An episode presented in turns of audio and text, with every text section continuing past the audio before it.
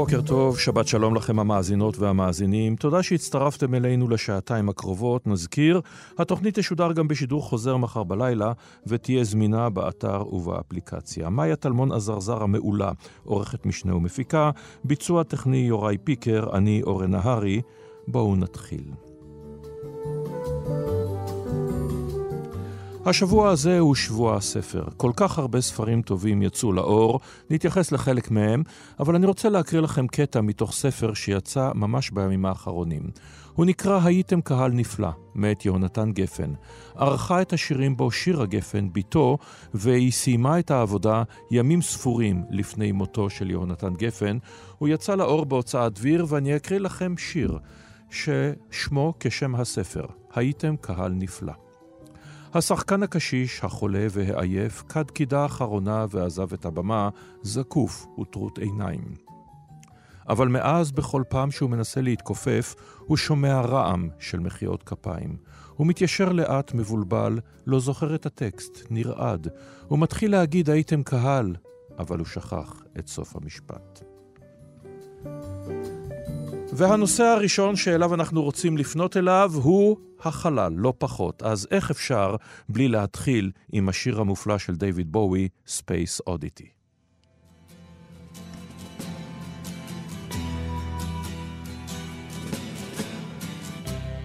Ground control to Major Tom. Ground control to Major Tom. Take your protein pills and put your helmet on. Ground control to Major Tom. Commencing countdown engines on. Check ignition and may God's love be with you.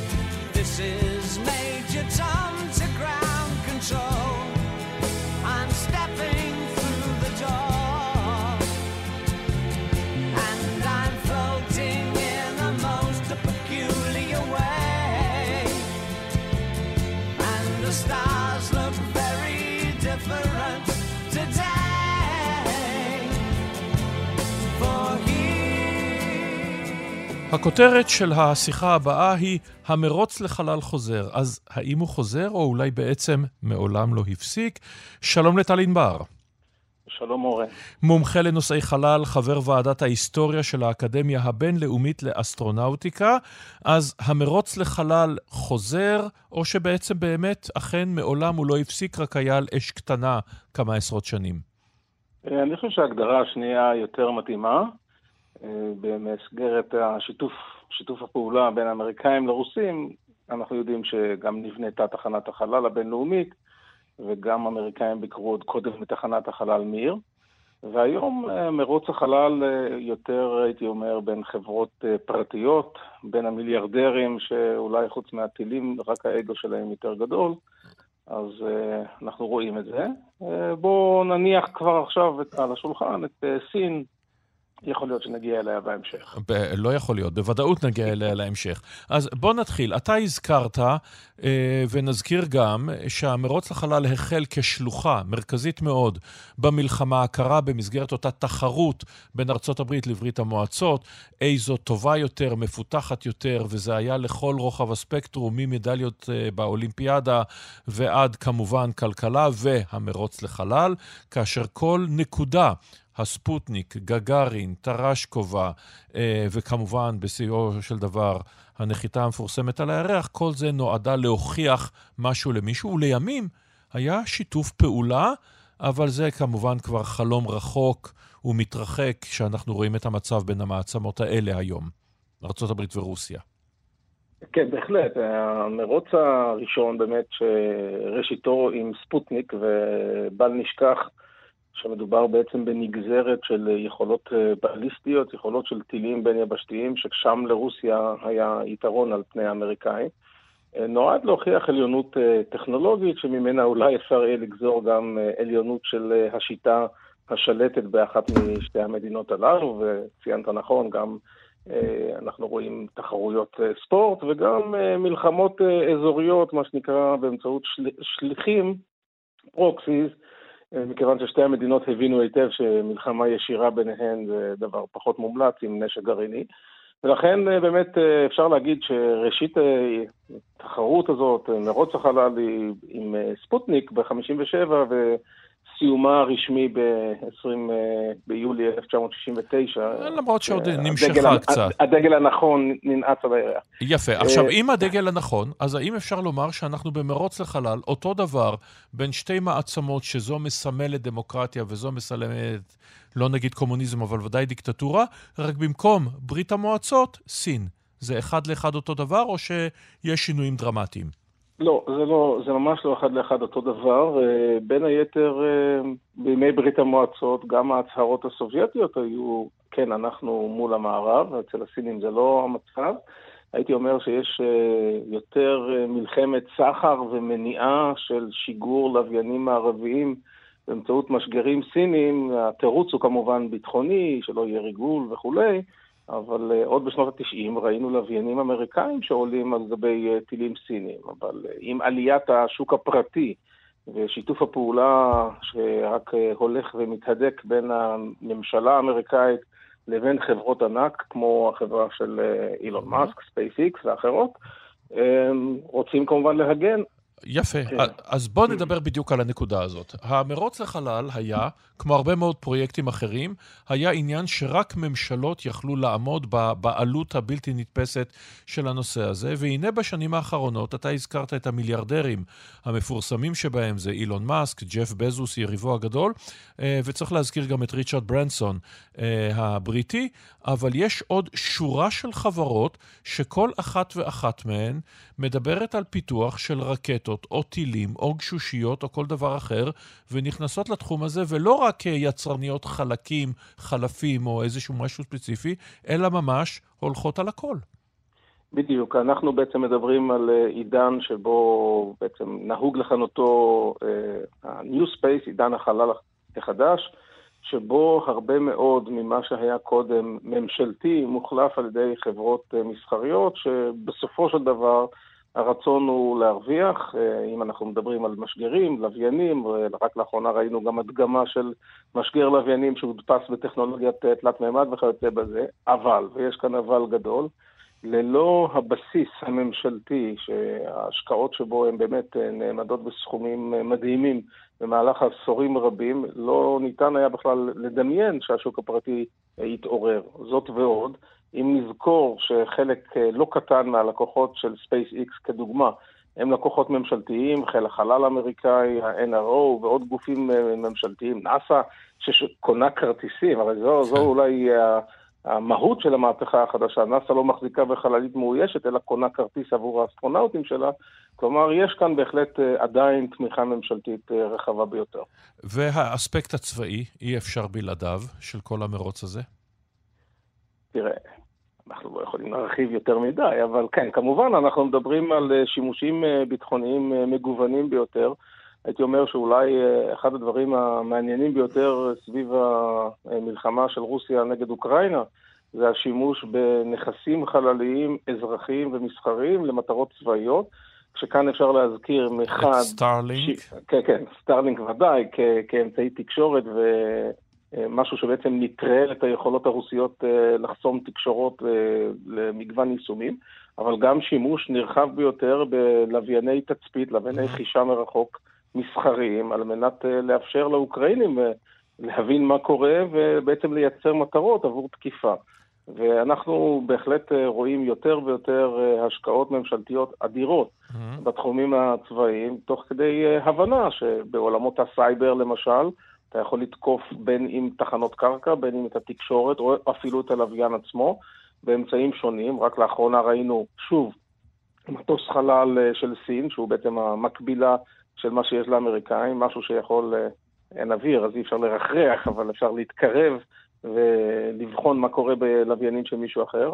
אם אתה יכול להתקרב, אתה יכול גם לקלקל. ברור. ואם אנחנו מדברים על הנושא הזה, מה בעצם המטרה? ארה"ב באה ואומרת, אנחנו רוצים את משימת ארתמיס, כלומר להנחית אדם על הירח.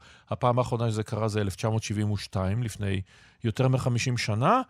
אה, למה בעצם? הרי אין לזה שום ערך מדעי, מחקרי, שום דבר למעט אולי אגו, או שהם צריכים לעשות את זה כאבן דרך לקראת מאדים. תראה, הסיסמה היא באמת אה, אבן דרך אה, כלפי מאדים, כי אנחנו מדברים על משהו שהוא הרבה יותר קרוב, יותר נגיש, אה, יותר קצר משך המסע כמובן, ו... אז זה דבר אחד. אבל אני קצת הייתי אומר חלוק על הקביעות שאין מה לחקור. אנחנו ביקרנו בירח לפרקי זמן קצרצרים, ועכשיו אנחנו רוצים לנחות במקום שבו אנחנו יודעים שיש מים, בצורה של קרח כמובן, mm-hmm. ולחקור עוד הרבה למשך זמן, ואין לדעת לאן הדברים האלה כמובן אה, אה, יתקדמו. כך שקודם כל עדיין מחקרית בוודאי שיש, mm-hmm. מה לעשות שם. מעבר לזה, אה, כל דבר שמלמד על שהייה ממושכת של אנשים בסביבות קיצון, כמו הירח שלנו, זה משהו שמקדם אותנו לכיוון מאדים. רק לאחרונה שמענו הצהרה מסין שהיא מתכוונת להגיע למאדים כנראה לא מאוד מאוד רחוק, ואז ייתכן שאנחנו נראה איזשהו שידור חוזר של אה, מרוץ החלל, כשהפעם היעד הוא מאדים. אה, שזה אגב תועד באופן נפלא, אמנם באופן שונה קצת אה, בסדרה מצוינת שנקראת עבור כל האנושות, אה, שהיא אה, מעין היסטוריה חלופית שבה ברית המועצות נחתה ראשונה על הירח. ואם אנחנו בעניינים של, אתה יודע, מדע בדיוני, שהולך ונהיה יותר ויותר מעשי עם הזמן, מתי נראה, לדערכתך, מושבה על הירח, אולי על האסטרואידים, אולי על המאדים? זה משהו שניתן לצפות לו בימי חיינו, חיי ילדינו? תראה, קודם כל לגבי ימי חיינו, אתה יודע, עכשיו עם כל הסוגיה של השתלת שבבים בגוף ואולי העברת חלק מהתודעה שלנו בעתיד אה, למחשבים, אז יכול להיות שאנחנו נראה את זה. אפרופו מדע בדיוני, שפחות. כן. אפרופו מדע בדיוני, אני מניח שהסבירות לכך אה, איננה גבוהה. והשאלה היא, שוב, שאלה של גם קבלת אה, סיכונים ולקיחתם. Mm-hmm. כי אפשר היה עקרונית, מבחינה טכנולוגית, אם היו ממשיכים את אפולו ולא מפסיקים אותה בראשית שנות ה-70, אפשר היה להגיע לה, אפילו למאדים בשנות ה-90 של המאה הקודמת. אבל uh, יש אולי רצון, אין uh, יכולת להביא את המשאבים הנדרשים, והם כנראה כבדים ביותר. אז מושבה זה עוד רחוק, אבל uh, תחנת מחקר שמאוישת uh, פרקי זמן ארוכים על הירח זה משהו שעקרונית, בהינתן תקציב, לתוך uh, עשר שנים ומעלה אפשר לייצר. אבל מעבר לזה, מאדים, אני חושב שהבשורה הטובה היא שהאנשים הראשונים על מאדים כבר נולדו. הבשורה הפחות טובה, אני מעריך שהם לכל היותר בחטיבת ביניים איפשהו בעולם. תודה לך על הדברים האלה, טל ענבר, מרתקת תמיד. תודה רבה. נמלטים, זה שמו של ספר חדש בהוצאת כנרת זמורה. הכותרת מסקרנת, כותרת המשנה מסקרנת עוד הרבה יותר. שכירי חרב נאצים במלחמה הקרה. שלום לפרופסור דני אורבך. שלום אורן, בוקר טוב. בוקר אור, מחבר הספר, היסטוריון צבאי מהחוגים להיסטוריה ולימודי אסיה באוניברסיטה העברית. בואו נתחיל עם הדברים שאנחנו יודעים, שאחרי המלחמה, כאשר אויב האתמול נהיה לבן ברית של היום, ובן הברית של אתמול נהיה לאויב היום, אז המערב, לא רק הוא, אבל גם הוא, מלבין את פשעיהם של רבים uh, ורעים, uh, מוורנר פון בראון ועד לצורך העניין אותם מרגלים ושכירי חרב שאתה מדבר עליהם. לא היו שום נקיפות מצפון, הנושא של המוסר בכלל לא עלה? האמת, אורן, שלהפתעתי היו נקיפות מצפון. למעשה אני ציפיתי, אה, ברוח מה שאמרת עכשיו, שלא היו בכלל, שכולם היו ציניים. למעשה, האנשים המדוברים, בין אם מה-CIA או משירותי ביון אחרים, אנגלים, צרפתים, על הסובייטים אנחנו פשוט יודעים פחות, אבל מי שאנחנו יודעים עליהם, הם כן חשבו שזה לא דבר נחמד. הם חשבו שהם עושים דבר, הם ידעו שהם עושים דבר רע, אתה רואה את זה במסמכים, הם ראו בזה רק חריג למקרה שבאמת חייבים, ואז כדרכם של חריגים זה התרחב. דרך אגב, גם האמריקאים לא הסיקו מספר עצום של כן. פושעי מלחמה, זה משהו כמו כמה עשרות. אבל הם חשבו שמכיוון שככל הנראה עומדת לפרוץ מלחמת עולם שלישית, זאת הייתה העמדה בתחילת שנות החמישים, יותר חשוב להתכונן לאתגר של ההווה מאשר להתחשבן עם מה שקרה בעבר. והאנשים האלה, אותם נאצים, חלקם אנשי מודיעין, שניפחו, יש לומר, את ההישגים שלהם בזמן מלחמת העולם השנייה, מגויסים לארגוני ביון שונים, שהמפורסם שבהם אולי זה הארגון של גרמניה המערבית, הארגון המזוהה עם ריינהרד גאלן. נכון, ארגון גלן, או איך שהוא נקרא מאז 1956, ה-BND, סוכנות הביון הפדרלית, זאת למעשה קבוצה של שכירי חרב, קציני מודיעין נאצים לשעבר, שעושים עסקה עם האמריקאים. נותנים להם את הארכיון הסודי מתקופת המלחמה של גרמניה על ברית המועצות. תזכור שהאמריקאים לא יודעים מספיק על ברית המועצות, למעשה לא יודעים כמעט כלום על ברית המועצות. בתחילת המלחמה הקרה. תמורה לעבודה אחרי המלחמה. והם הופכים בהדרגה לארגון הביון של גרמניה המערבית. עכשיו, אם אנחנו מסתכלים באופן כללי גם על הספר הזה והתהודה שהוא מקבל אה, בארץ, בעולם, והוא ספר מעולה ומומלץ, יצא לאור באחרונה בעברית גם הספר המיליארדרים הנאצים, מאת דוד דה יונג, ההיסטוריה האפלה של המשפחות העשירות בגרמניה. הוא יצא לאור בהוצאת מטר, גם הוא מומלץ מאוד. אבל הנקודה בשני הספרים האלה, אחת הנקודות היא שגרמניה המערבית לא באמת עברה דנאציפיקציה. חלק חלק כן, ניטלו משפט נירנברג הראשון, חלק שילמו על פשעיהם במדינות אחרות, אבל בגדול חזרנו מהר מאוד, או גרמניה או המערב, חזר מהר מאוד ל-business as usual. אבל זאת, פה יש איזו נקודה אירונית שאני מאוד מאוד מדגיש בספר. אני חושב, בניגוד למה שמקובל לומר, שגרמניה המערבית כן עברה דנאציפיקציה, אבל לא באופן שבו מקובל לומר. Mm-hmm. הדנאציפיקציה האמיתית הייתה התבוסה ב-45. Mm-hmm. לא מה שהיה אחר כך.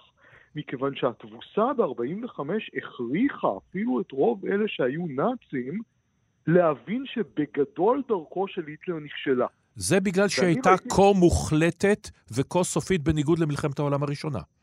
בדיוק. ולכן אפילו ניאו-נאצים בשנות החמישים למשל, אה, מסמכים שאני קראתי, אני רואה מנהיג ניאו-נאצי בשנות ה-50, הוא אומר, אין בעיה אלא לעבוד עם יהודים, כי המלחמה הוכיחה שהיהדות היא מעצמה עולמית. Mm-hmm. זה משהו שאף אחד, אף נאצי לא המעז לומר בשנות ה-40.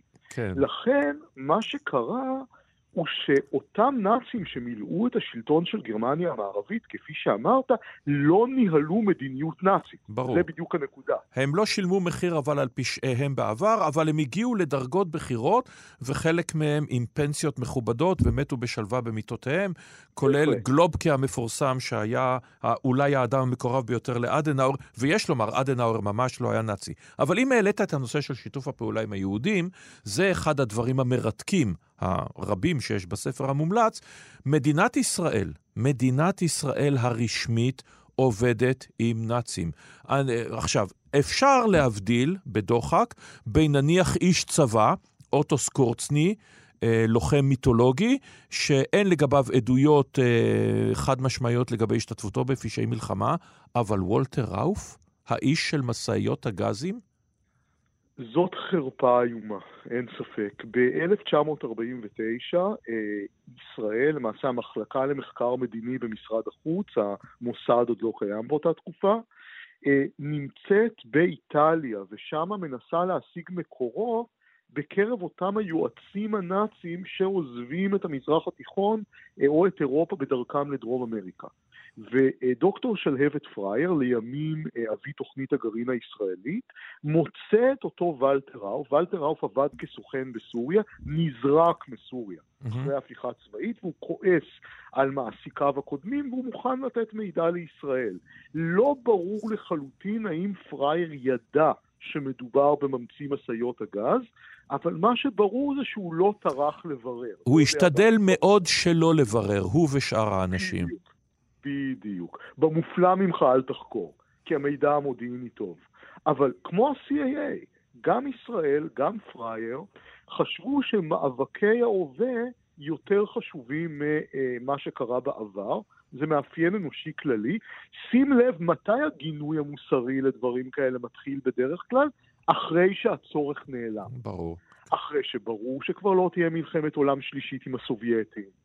אחרי שהמעמד של ישראל יתבסס, אז מכים על חטאי העבר. יש גם נקודה נוספת, אבל היא חורגת מתחום השיחה הזאת ומהספר, שהדור השני שנולד אחרי המלחמה מגיע לפרקו ומתחיל לשאול שאלות קשות את ההורים שלהם, אז, בשנות ה-70 וה-80, מתחיל המצוד המחודש. אבל ישנה עוד נקודה מאוד מאוד חשובה, וזה פרשת המדענים הגרמניים. ישראל הצעירה, ואפשר לבוא ולטעון את הטענה הידועה והנכונה תמיד, שהראייה הטובה ביותר בעולם היא לא ראייה שש אלא ראייה בדיעבד. ישראל, ספציפית איסר הראל, אתה מטיל עליו את האחריות בנושא הזה, אה, מגיעים למסקנה שהמדענים הגרמניים בוגרי V1, V2, הם ייתנו לנאצר, היטלר החדש, את הנשק האיום שיביא להשמדת מדינת היהודים, וישראל יוצאת למאבק ללא פשרות נגד אותם מדענים גרמניים, תוך כדי שימוש בחלק מהם, תוך כדי ניסיונות חיסול, תוך כל הדברים האלה. האם טעינו בזמן אמת? תנסה להסתכל בעיני האנשים שצריכים לקבל את ההחלטות אז. אני מבין, קודם כל כן טעינו. אני מבין למה טעינו. אה, ישראל, כמו שאמרתי קודם, העדיפה את מלחמות ההווה על חשבונות מהעבר. אבל זה לא אומר שהזיכרונות מהעבר לא היו משפיעים. ברגע שהתדמית של הנאצי החדש, הרלוונטי, נאסר, התלכדה עם התדמית של הנאצי הישן, הגרמני, כל הטריגרים של העבר התפוצצו. וזה עורר אנרגיות עצומות של חרדה אצל איסר הראל, ולא רק אצלו. רק מה? גם בזמן אמת היו אנשים שאמרו, בעיקר מאיר עמית, שהיה ראש אמ"ן, שימו לב, אין למדענים האלה תנאים לייצר טילים באמת מסוכנים במצרים. בעיקר אין להם יכולת לייצר מערכות הנחיה. מה גם והיו כאלה בישראל שאמרו את זה כבר בזמן אמת, שאלה לא המדענים הטובים ביותר. המדענים הטובים ביותר, ורנר פון בראון, הזכרת אותו, האמריקאים והסובייטים כבר לקחו את כולם. מה נשאר למצרים? מדענים מדרגה ג' וד'. זה לא בדיוק האנשים שיוכלו לסכן את קיומה של ישראל, ובסופו של דבר התברר שפרויקט הטילים היה אכן בדיחה, ואלה שהתריעו בזמן אמת באמ"ן שהוא בדיחה, בסופו של דבר אה, צדקו. והנושא הזה הוא נושא מרתק, ושוב אבוא ואומר, אה, של כל הפרשה הזאת, של אותם נאצים, ויש עוד הרבה דברים שלא הצלחנו להגיע אליהם, כמובן, לא נזכה פה את כל הספר, אה, הפרשה שבה צרפת מנסה לחסל סוחרי נשק, נאצים לשעבר, שיתוף הפעולה בין הנאצים הוותיקים, אלה המשרתים את הגוש המזרחי ואלה המשרתים את הגוש המערבי, כל זה כמובן בספר שעליו אני ממליץ, כמו גם על הספר המיליארדרים הנאצים, על ההיסטוריה האפלה של המשפחות העשירות בגרמניה אז, שבאורח פלא הצליחו, כולן למעשה, לשמור על רכושן עד עצם היום הזה. תודה רבה לך, הפרופסור דני אורבך. תודה, אורן. עדיין אירופה, אבל מגרמניה אל איטליה ומהעבר אל ההווה, ונתחיל בשיר "תודה לך, סילביו".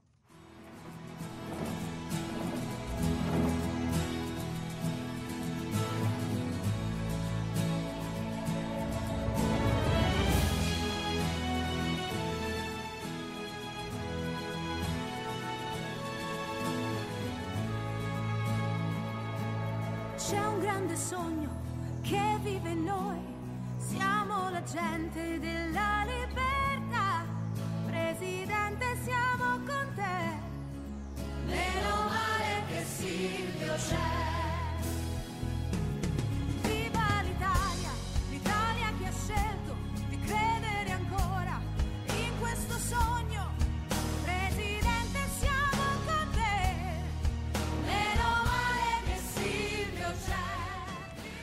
תודה לאל על סילביו. זה השיר סילביו ברלוסקוני, אחת הדמויות הססגוניות ביותר בפוליטיקה העולמית, או אפילו האיטלקית, בלשון המעטה, וצריך לחשוב היטב האם זו מחמאה. הלך לעולמו השבוע בגיל 86, אז בואו נדבר עליו קצת עם, אה, עם יגאל פלמור, תמיד לעונג לשוחח איתך, דיפלומט, לשעבר דובר משרד החוץ. שלום לך יגאל. שלום אורן, העונג כולו שלי. בוא נתחיל בזה שאפשר להסתכל על כך שאיטליה בעצם הייתה מתוות הדרך לעולם כולו. שם, בפעם הראשונה באירופה, התפוררה המערכת הפוליטית הקלאסית, שבה מצד אחד ישנם שמרנים מתונים, ומהצד השני הסוציאליסטים המתונים, למפלגות רבות מאוד מימין קיצוני ועד שמאל קיצוני. שם זה התחיל. כן, אה, זו המדינה הראשונה שבה, אה, למרות שהיו במשך שנים ארוכות שתי מפלגות, הנוצרים דמוקרטים של דוליו אנדריאוטי והסוציאליסטים של בטינו קרקסי, שהובילו את, ה, את הממשלה, התחלפו ביניהם בראשות הממשלה, שיתפו פעולה ביניהם גם כשאלה היו באופוזיציה ואלה היו בשלטון, ויצרו מין יציבות כזו שאפשרה לכולם להיות מושחתים בלי גבול. אה, ואחרי שהתחיל מבצע ידיים נקיות, שבו מערכת המשפט האיטלקית אה, נחלצה כדי לנקות את כל השחיתות, קרסו המבנים הפוליטיים המסורתיים, ועל חורבות המערכת הפוליטית הישנה קמו כמה אה, מפלגות, תנועות חדשות. הראשונה והחזקה והמצליחה ביניהן היא זו של ציווה ברלוסקוני, שיצר משהו שהוא לא שמאל ולא ימין. הוא השתמש uh, במוניטין שיצאו לו כאיש עסקים וכבעלים של הקבוצה המצליחה מאוד AC מילאן, אה, ונתן למפלגה החדשה שם שלקוח מעולם הכדורגל. כאילו שבישראל היו קוראים למפלגה אל ישראל, אז פורצה איטליה זו קריאת העידוד של אוהדי איטליה. זה יצר משהו חדש יפה. אז עכשיו, אה, אני, אני מניח שזה חלק מההומור הנפלא שלך כשאמרת שהם ניקו את כל השחיתות באיטליה, אבל נשאיר את זה רגע בצד. ברלוסקוני מגיע, ושוב, הוא מביא סוג חדש של פופוליזם. אה, פופוליזם שאפשר לטעון שהחל ב, אה, אה, באמריקה הלטינית, ויש כמובן הרי מאפיינים דומים, של המנהיג החזק, של הקוולרו, של המצ'ואיזמו, וברלוסקוני הוא מצ'ואיסט שאין דברים כאלה, באמת עד רמת המכביר, שנערץ על עמו ומחלק את טובות ההנאה לעמו שנהנה מכך. כן, נכון מאוד. הוא היה איש המאצ'ו האולטימטיבי, שהיה כמובן מאוד לא פוליטיקלי קורקט בלשון המעטה ביחסיו עם נשים, אה, אבל זה הצליח לו מבחינת אה, דעת הקהל, כי הוא נבחר פעם אחר פעם. אה, הוא חילק טובות הנאה, כן? הוא שיחק גם על לאומיות, שלא לומר לאומנות. פופוליסטית מצד אחד, אבל גם על פופוליזם שבקונטקסט אחר היית קורא לו שמאלני, כי הולך לקראת, אה, לקראת המעמד, אה, מעמד העובדים והצווארון הכחול. אז הוא שיחק בעצם על כל המגרשים, אם אפשר לומר, ובעיקר אה, שיחק על הגאווה הלאומית ועל ה... על, נקרא לזה, האיטלקיות חסרת הבושה שאפשר לשמוע את התיאור המבריק שלה בשיר של טוטו קוטוניו לאיטליאנו. אפשר כמעט לומר שהשיר הזה מצייר את תקופת ברלוסקוני מילה במילה, משפט במשפט. גאווה בלתי מוסתרת בכל מה שאיטלקי, לאומי, נוצרי ומסורתי. אבל כמה נשאר מאותה איטליה? יש לאיטליה, הרי אין צורך לומר ש, אה, אה, שמבחינת תא שטח, חוץ אולי מיוון וארץ ישראל הקדומה, זה תא השטח עם הכי הרבה השפעה על תולדות האנושות. אבל בכל זאת, עבר קצת זמן מאז יוליוס קיסר, אפילו מאז ליאונרדו דה וינצ'י, אפילו מאז וולטה וגלווני ואפילו מרקוני. מה, מה נשאר מאותה איטלקיות שהם כל כך מתפארים בה כיום? Uh, תראה, uh, עובדה שכולנו, uh, כשאומרים איטליה, חושבים על אופנה, על סטייל, על אוכל, על נופים, על אומנות, על, על עיצוב. עיצוב. בדיוק. אה, זה, אלה הדברים הראשונים שעולים בראש כשאתה חושב על איטליה. אה, זו אחת המדינות המתוירות ביותר, אולי השנייה המתוירת בעולם אחרי צרפת. בצדק אה, מוחלט, יש, אבל המדינה... ועדיין אבל... יש תעשייה איטלקית, בוא לא נזלזל. אני רוצה להזכיר לך שחיל האוויר שלנו לפני כמה שנים רכש מטוסי אימון איטלקיים. אה, ועדיין יש מכוניות איטלקיות על כבישי ישראל ועל כבישי אירופה, אהה. למרות השליטה היפנית והקוריאנית. אז לא צריך לזלזל גם בתעשייה האיטלקית. אה, אבל גם אה, כמובן בתעשיית המלו- המזון, האופנה, אה, האומנות והעיצוב, אז יש, יש עוד הרבה מאוד לאיטליה להציע לאנושות. חד משמעית. עכשיו, למה ברלוסקוני? הוא נבחר פעם אחר פעם, הוא ראש הממשלה שכיהן הכי הרבה פעמים, הכי הרבה זמן, אחרי מלחמת העולם השנייה, וזה כשבמפלגה הדמו-נוצרית התחלפו ביניהם פנפני ואנדריאוטי ו- אה, ואלדו מורו, אה, כולם התחלפו זה עם זה. מה, מה, מה החזיק אותו על הגלגל כל כך הרבה זמן? תראה, קשה לשים את האצבע על דבר אחד. אף אחד מעולם לא האשים אותו בניקיון כפיים וביושר אה, ומוסר. אלה האשמות שאני לא זוכר שהעלו נגדו. אבל אה, כנראה שדווקא בגלל זה ציבור רחב מאוד אה, אהב את החוצפה, את התעוזה, את הדרך שבה הוא הצליח אה, למרות, אה, למרות הפוליטיקלי קורקט ולמרות הכל, אה, להצליח, להצליח בעסקים, להצליח בכדורגל, להצליח בפוליטיקה. התדמית הזאת כנראה אה, עזרה לו, וגם העובדה שהוא, כמו שאמרתי, שיחק בהצלחה רבה על הרגש הלאומי. אה, אני חושב שגם העובדה שבתחילת דרכו, כשהוא רק נבחר בפעם הראשונה, אה, באירופה אפילו החרימו אותו ואת ממשלתו, אני זוכר Mhm. שממשלת צרפת החרימה מפגשים עם שרים איטלקיים. אה, כשאתה חושב על זה היום זה ממש מצחיק. אני Mhm. חושב שהדווקא הזה לאירופה גם עזר מאוד אה, לפופולריות שלו. בואו לא נשכח גם שלא כל האיטלקים אה, הצביעו עבורו, כן? ברור. היו לו מתנגדים ושונאים ומבקרים, אבל בסך הכל אה, עובדה שכשהוא נבחר, הוא נבחר ברוב, אה, ברוב קולות, אף אחד אה, לא טען שהוא גנב את הבחירות או משהו, ככה שהבחירה הייתה דמוקרטית אה, לגמרי. והיו בו אלמנטים שאולי אה, לא האיש האידיאלי בעיני איזה מודל אה, אה, אנגלו-סקסי של ניקיון כפיים, אבל בעיני מי שגדל אולי על, על הנסיך של אה, מקיאוולי, הוא בהחלט נראה אה, מנהיג אידיאלי. וצריך לומר שהיה לו, עם הכל, עם הכל, איזשהו סוג של שרם, גם באמת בדברים האיומים ביותר, הרי המיטו מעולם לא הגיע, אה, כך נראה, לאיטליה, או למדינות רבות אחרות, צריך לומר, אה, ב- באירופה, אה, מעבר לבריטניה וכולי. אבל בעוד דבר אחד חשוב, ברלוסקוני ואיטליה הקדימו את זמנם, שזה הנושא של עליית הימין, לא רק הפופוליסטי, לא רק פופוליזם, אלא עליית הימין הקיצוני, הימין הבדלני. כלומר, מפלגת אה, איטליה אה, של אה, ש, אה, המפלגה הבדלנית, וכיום איטליה היא המדינה הראשונה באירופה המערבית, שבה יש ברית שקמה מאותו מפץ גדול, שזה כבר לא אותו ברלוסקוני שמגיע, אלא באמת ימין קיצוני שטוען שהוא שינה את אה, דרכו, והם כבר לא בדיוק יורשי מוסוליני, ובוודאי לא אנטישמים, אבל המאפיינים של אנטי-הגירה, של נצרות, של אה, נגד הקהילה הלהט"בקית וכולי וכולי.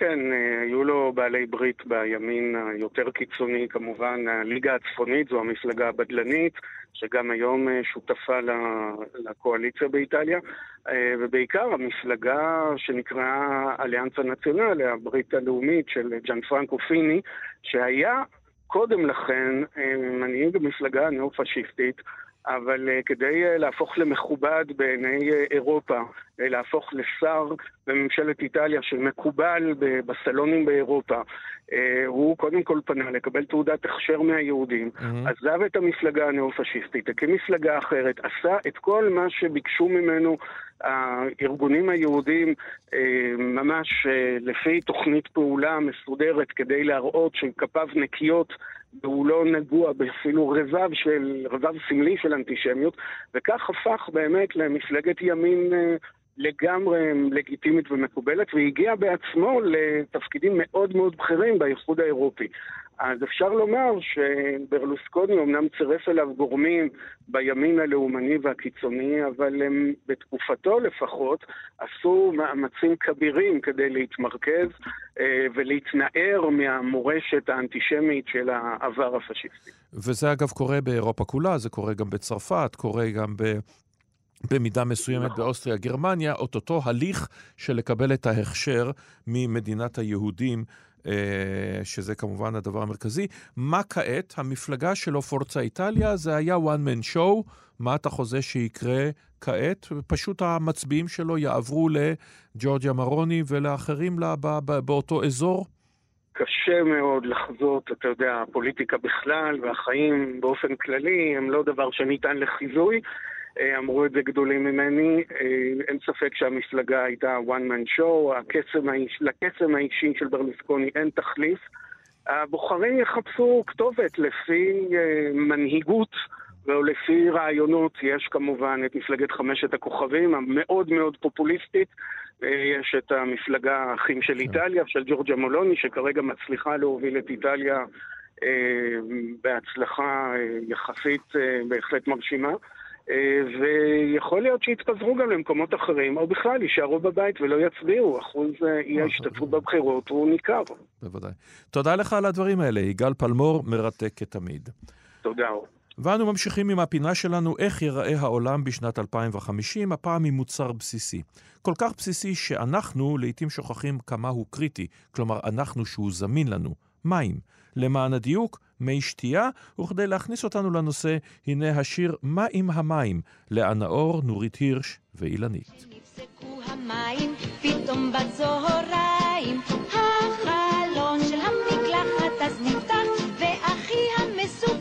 של החוצה ראש לבן, וקרא לאנשים בערך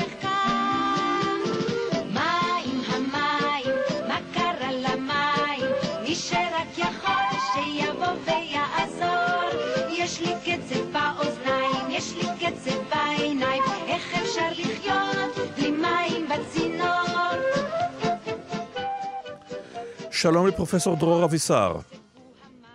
שלום רב. ראש המרכז לחקר המים, קבוצת המחקר ההידרוכימית, בית הספר לסביבה ומדעי כדור הארץ, הפקולטה למדעים מדויקים באוניברסיטת תל אביב. קראתי לא מזמן מאמר בשבועון המאוד נחשב האקונומיסט, האומר שבשנת 2050 יהיה צורך בעוד, עוד, 2.2 מיליארד ליטר מי שתייה בעולם, אבל הם פשוט לא יהיו. זו התחזית. תראה, יש אה, הרבה מאוד אנשים. האוכלוסייה צפויה לגידול מסיבי גם באזור שלנו וגם באזורים אחרים. אה, במקביל אנחנו עוברים תהליכי התייבשות שפוגעים אה, מאוד קשה בכמות הגשמים, במאגרי מים מיליים, במאגרי מים תחתיים, ויותר עקה, יוצר מחסור מאוד מאוד גדול. אה, ואכן, אה, כמות המים שנדרשת בשביל להשקות ובשביל להאכיל, תזכור גם שמים הם אה, מקור המזון שלנו, לעוד 20-30 שנה עשויה להיות בעיה מאוד קשה אם לא ניצור אלטרנטיבות. או, oh, אז אנחנו מדברים על אלטרנטיבות. התפלה זה מושג שאנחנו מכירים אותו כבר עשרות שנים. מה לכאורה מונע מתקני התפלה בכל המדינות, לפחות בכל המדינות, לחופי הימים והאוקיינוסים? אז קודם כל, אה, להפתע, אני אגיד לך דבר מסוים שלא כולם יודעים. בהרבה מדינות, כולל מדינות שיש בהן משבר מים חמור, היה יכול להימנע משבר המים אם היה ניהול מים נכון.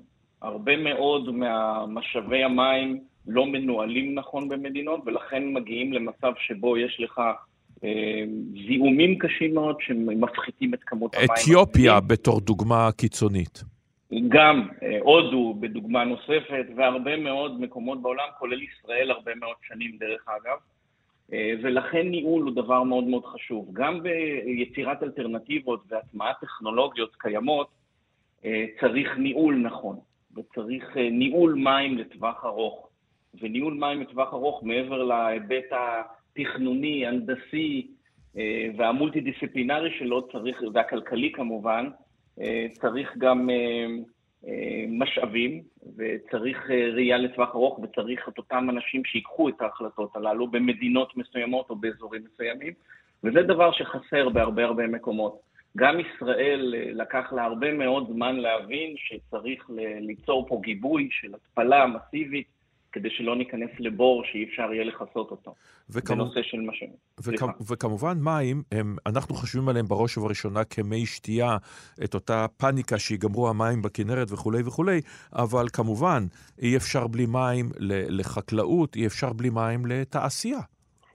נכון מאוד, לכן אה, טיפול וניהול משאבי מים הוא משולב. אה, אתה אומר, אוקיי, אני צריך ליצור כך וכך מים לשתייה, החלופות שלי כרגע זה לקחת אה, אה, מי ים ולהטפיל אותם. חלופה נוספת זה לקחת חלק גדול מהמים שמשקים את החקלאות, מים שפירים, מי שתייה שמשקים את החקלאות, ולהמיר אותם במי קולחים מטופלים. אבל בשביל לעשות את הדבר הזה אני צריך לאסוף את כל מי השפכים שלי, שדרך אגב, אותם מי שפכים הם המקור זיהום מספר אחד בעולם למשאבי מים, רוב משאבי המים בעולם מזדהמים משפכים של בני אדם, ואם אני יודע לאסוף אותם, להפריד אותם ולטפל בהם ולהפוך אותם למשאב מים מחודש, אמיתי, כמו שישראל עושה לאחרונה, ניהול, אמרנו, אה, אז אני יכול להמיר חלק מהמים השפירים שאני משקה איתם את הגידולים החקלאיים למי שתייה. וכ... ו... וכ... וכמובן, אחד הדברים הקריטיים בנושא הזה הוא שיתוף פעולה בינלאומי, בין מדינות, כולל מדינות שכנות שלעיתים קרובות, מי כמונו יודע, הן אויבות זו של זו. ממש ככה. אם אתה שואל אותי מה מטריד אותי באמת ב-20, 30, 40 שנה הקרובות, מטריד אותי באמת שישראל תהיה המדינה היחידה במזרח התיכון שיהיה לה מקורות מים. שאנחנו נעשה תוכניות של ישראל 30 וישראל 40 וישראל 50 ונקים עוד מתקני התפלה כי אנחנו יודעים ויכולים ויש לנו את חוף הים. ונהיה באמת מדינה שתוכל להפיק בעצמה את מקורות המים, לספק לאוכלוסייה הגדלה ולספק מזון גם. אבל מה קורה לכל שאר המיליונים, עשרות ומאות מיליונים מסביבנו שמתייבשים? דרך אגב, המזרח התיכון, בתחזיות של אפקט של ההתייבשות, ההתחממות הגלובלית, אמור לסבול בין המקומות שיסבלו הכי הרבה בעולם, והתייבשו הכי הרבה בעולם. מה יקרה לאותם מיליונים ומאות מיליונים שלא יהיה להם פתאום משאבי מים, ולא יהיה להם משאבי מים לגדל מזון, ובלי שום אג'נדה פוליטית או דתית, יקומו ויצעדו לעבר הגבולות של אותו מדינה שיש לה. מה ישראל תעשה אם מאות אלפים ומיליונים יעמדו על הגבולות רק לבקש מים ואוכל? ברור. זה איום בעייתי, ולכן אני אומר שאחד מהדברים שצריך לעשות כבר מחר בבוקר זה שיתופי פעולה אזוריים לאורך זמן כדי לספק מים גם לאזורים לידינו. ואיזה אזור נמצא בסכנה, אם אנחנו מסתכלים על זה גלובלית, מבחינת כמות אנשים הנמצאים בסכנה, אזור, אה, אני יודע מה שנסמך כעת על הפשרות השלגים בהימאליה, אה, וההפשרות האלה והנהרות האלה הולכים ומתמעטים, כלומר צפון הודו, דרום סין, אולי אירופה שהופכת ונהיית יותר ויותר צחיחה? לכל אזור יש את הסכנות שלו. באזור הודו וצפון ההימאליה ובנגלדש יש בעיות קשות מאוד של נהרות שגם שלגים שמפשירים וגם קרק... אה, יערות שנעלמו והקרקעות נסחפות והם סובלים אה, זרמי בוץ אדירים שמכסים להם שם כפרים ואזורי חקלאות והמון המון אנשים סובלים אה, ממחסור גם של מים ראויים לשתייה וגם מאזורי חקלאות אה, ובאירופה זה פשוט התחממות של מזג אוויר שהם לא רגילים אליו, והתייבשות של מאגרי מים, ומציאות חדשה שצריך להתרגל אליה, ועוד פעם, water management, ניהול משאבי מים, איך מנהלים משאבי מים באקלים מתייבש, בתנאים חדשים, כולל גידול אוכלוסייה. אה, לאפריקה יש את הבעיות שלה כמובן, עם אה, אזורים שבהם יש שם מחסור מים אמיתי, אמיתי, אמיתי, והמזרח התיכון ש, שמתייבש, וכמו שהזכרתי קודם, יסבול לא מעט מתהליכי התחממות בעשורים הקרובים, והוא צריך להיערך ביחד לפתרונות כדי לא להגיע למאבקים אה, גיאופוליטיים. דרך אגב, תימן כבר הרבה שנים, מעט אנשים יודעים את זה, אבל יש שם מאבקים מיליטנטיים קשים על משאבי מים. כן, ויש טענות רבות שחלק גדול ממלחמות האזרחים שאנחנו רואים בעולם כולו, גם בעידן הקדום אבל גם המודרני, הם סביב משאבים של מזון ומים. עד כמה העולם אה, אה, בכלל עוסק בזה. כלומר, עד כמה ישנה תחושת דחיפות, מכיוון שאתה יודע, אנחנו רגילים שמסתכלים על הכותרות, אז אנחנו מסתכלים על אוקראינה ומיצרי טיוואן וגרעין איראני וכל שאר הדברים, ואיכשהו הנושאים האלה נדחקים לקרן זווית. מסכים לחלוטין, העולם לא מספיק עוסק בשאלות הללו. העולם מדחיק את השאלות הללו. אנחנו המדענים עוסקים בזה, יכול להיות שגם כל מיני קרנות שרוצות לממן מחקרים של ארגונים כאלה ואחרים, יש להם איזה, אתה יודע, שורה בקול קורא לממן מחקר כזה או אחר, אבל העולם כעולם, המערכת הפוליטית העולמית לא עוסקת בזה, היא מתעלמת מזה, נוח לה להתעלם מזה, זה שאלות מפחידות, זה שאלות לאורך זמן ארוך, זה שאלות שדורשות התארגנות ולא, ו, ו, ו, ועמידות פוליטית וכלכלית ורגולציה ומגוון דברים שצריך לקחת עליהם אחריות, והעולם לא באמת באמת עוסק בהכנה לעשורים הקרובים לצערי. תודה לך על הדברים האלה. הפרופסור דרור אבישר, ראש המרכז לחקר המים וקבוצת המחקר ההידרוכימית, בית הספר לסביבה ומדעי כדור הארץ, הפקולטה למדעים מדויקים, אוניברסיטת תל אביב. והשבוע נהרג בתאונת דרכים השחקן טריט וויליאמס. הוא שיחק בדברים רבים מאוד ובסרטים ידועים, אבל בכל זאת, בוודאי לבני הדור שלי יש תפקיד אחד ורק אחד שכולנו זוכרים ממנו, הלא הוא ברגר בשיער. אז לזכרך, טריט וויליאמס. I got laughs, sister. I got freedom, brother. And I got good times, man. I got crazy ways, daughter. I got million dollar charm, cousin. I got headaches and toothaches and bad times to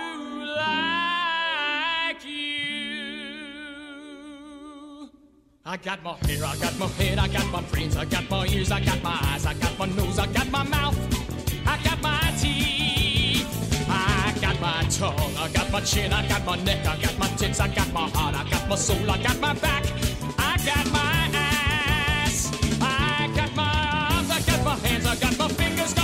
I got my feet, I got my toes, I got my liver, got my blood.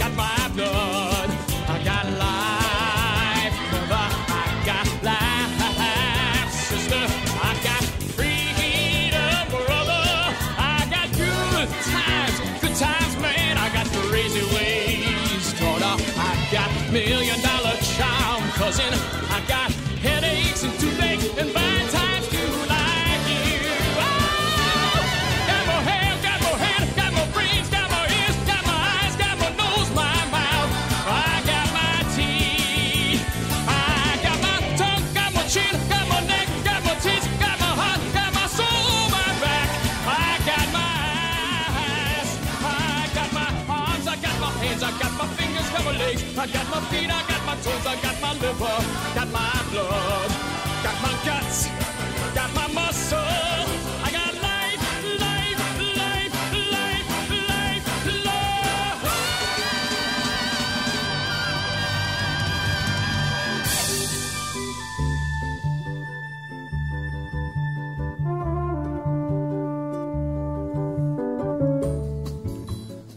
פה איזה מעבר טמפו בין השיר משיער לבין נעימת הפתיחה והסגירה שלנו. עד כאן השעה הראשונה בתוכניתנו. תודה למאיה טלמון עזרזר, המפיקה ועורכת המשנה, ליוראי פיקר אשר על השידור. אני אורן נהרי, נתראה אחרי חדשות השעה תשע.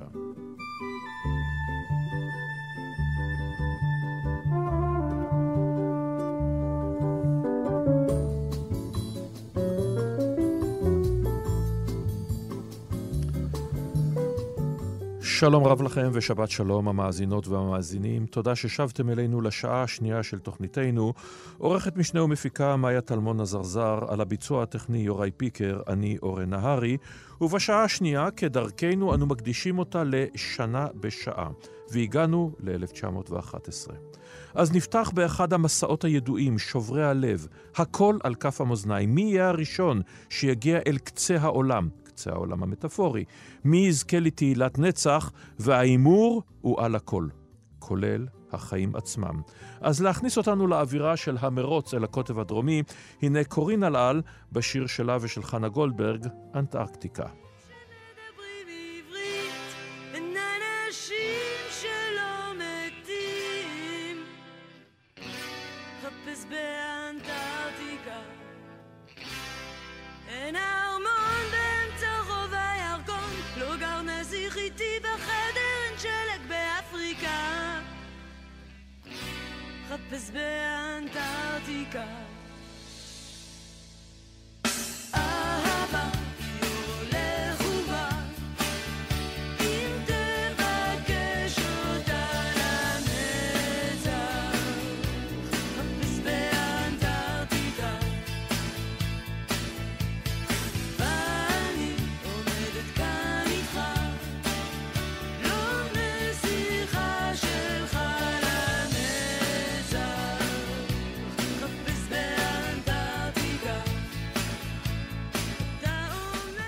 אחרי שנכזבה תקוותו של רואלד אמונצן הנורבגי, בשלב הזה כבר חוקר כתבים נערץ להיות הראשון בקוטב הצפוני, דיברנו על כך לפני שבועיים שפירי האמריקני הגיע לשם, הוא מחליט להיות הראשון בקוטב הדרומי.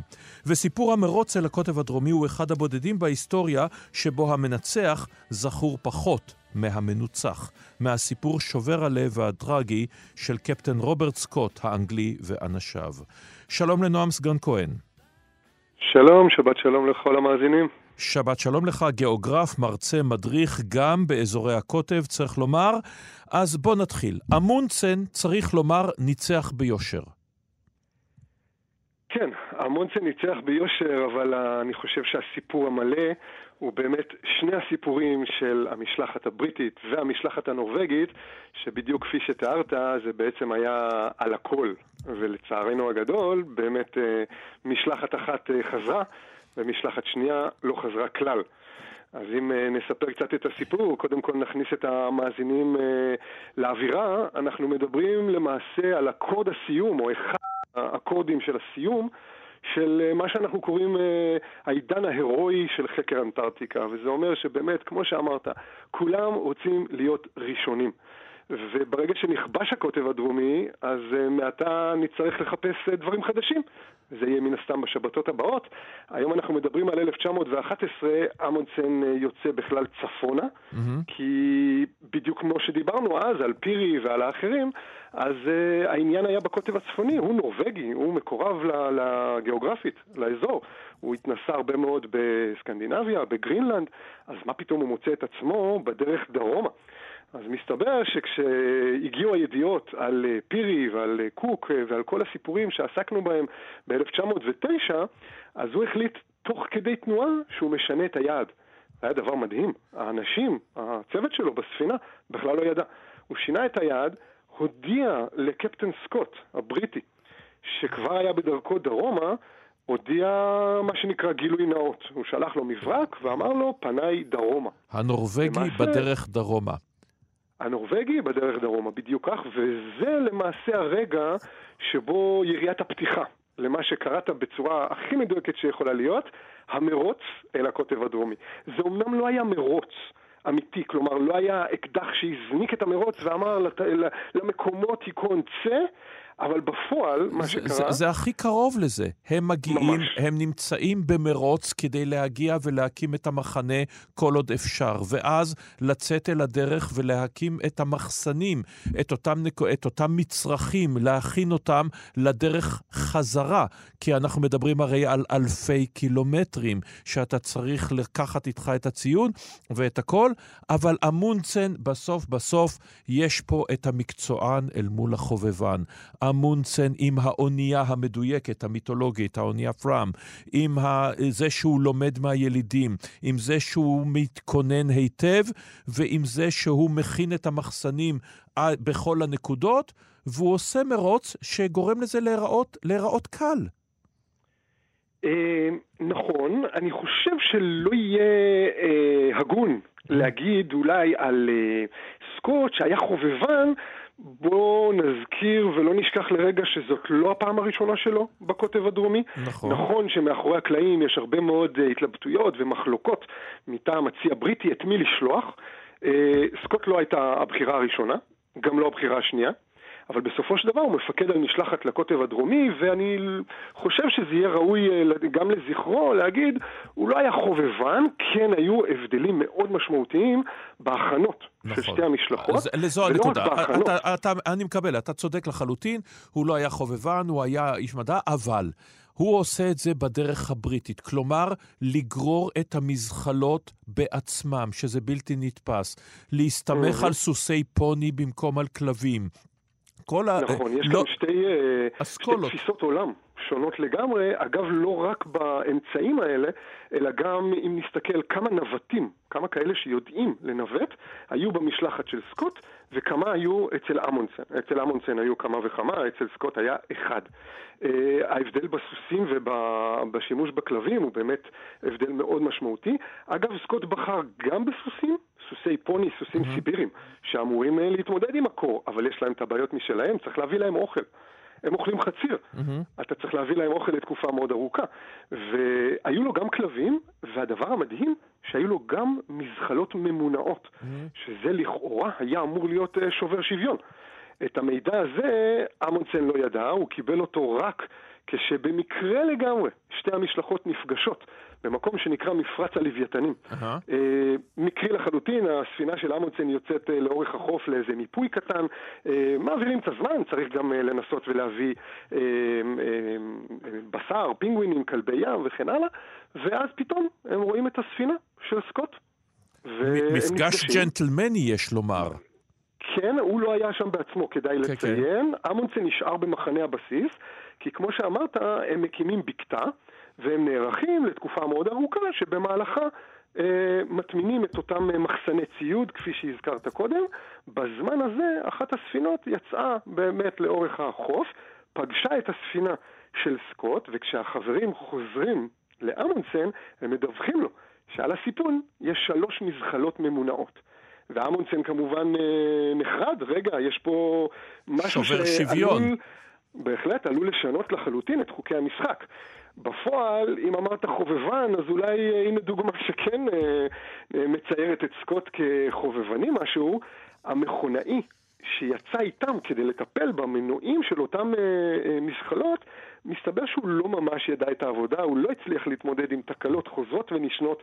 בסופו של דבר המזחלות ירדו מהפרק עוד לפני היציאה למסע המרכזי אל הקוטב עצמו. ועכשיו אנחנו לא, לא נוכל לספר את כל הפרטים, וכמובן הפרטים האלה מאוד מאוד ידועים. אמונסן עושה את זה בדהרה הלוך, שם את הדגל, משאיר מכתב לסקוט, וחוזר חזרה חודש לפני שסקוט הצליח להגיע אל הקוטב, ופה הדרמה הנוראה. תחשבו אתם האנשים הנמצאים בבית, תחשבו שאתם נמצאים בסופות, בקור של עשרות מעלות מתחת לאפס, אתם מוציאים את נשמתכם וכ... ואתם לא יודעים מה קורה, אתם חושבים שיש לכם סיכוי טוב, ואז ממרחק אתם רואים את הדגל הנורבגי מתנוסס, ואתם יודעים שעשיתם את כל המאמץ הנורא הזה, חמישה אנשים שנשארים שם לשווא מבחינות מסוימות, וכל הדברים האלה מתוארים בצורה כל כך נפלאה ביומן של סקוט, ועכשיו צריך לעשות את אלפי הקילומטרים בדרך חזרה, שבורים בגוף ובנפש. אכן כן, אני חושב שאפשר לראות את זה בצורה אה, כואבת בצילום. כן. צילום אה, סלפי, שבעצם אה, חמישה אנשים עומדים ליד הקוטב הצפוני, ליד העמדה הזאת שסימן אמונסן והצוות שלו, יש לומר שגם אמונסן כמובן לא לבד, הוא היה שם עם ארבעה נורבגים. נוספים, אבל סקוט ואנשי צוותו מצטלמים אה, עם אה, לחצן כזה, עם חוט שמחובר למצלמה. באוורס הוא הצלם אה, בחבורה והוא מצלם את כל החמישה ורואים את הפנים שלהם פשוט, איך אומרים? מבואסים. הם ממש ממש צל, צל יהודים. המוות מעליהם. ועכשיו, בלי האנרגיה החיובית שהייתה לצוות הנורבגי לחזור הביתה, הם צריכים להתחיל לעשות את דרכם חזרה. ואכן, בדרך חזרה, אה, למעשה שלוש טרגדיות נפרדות.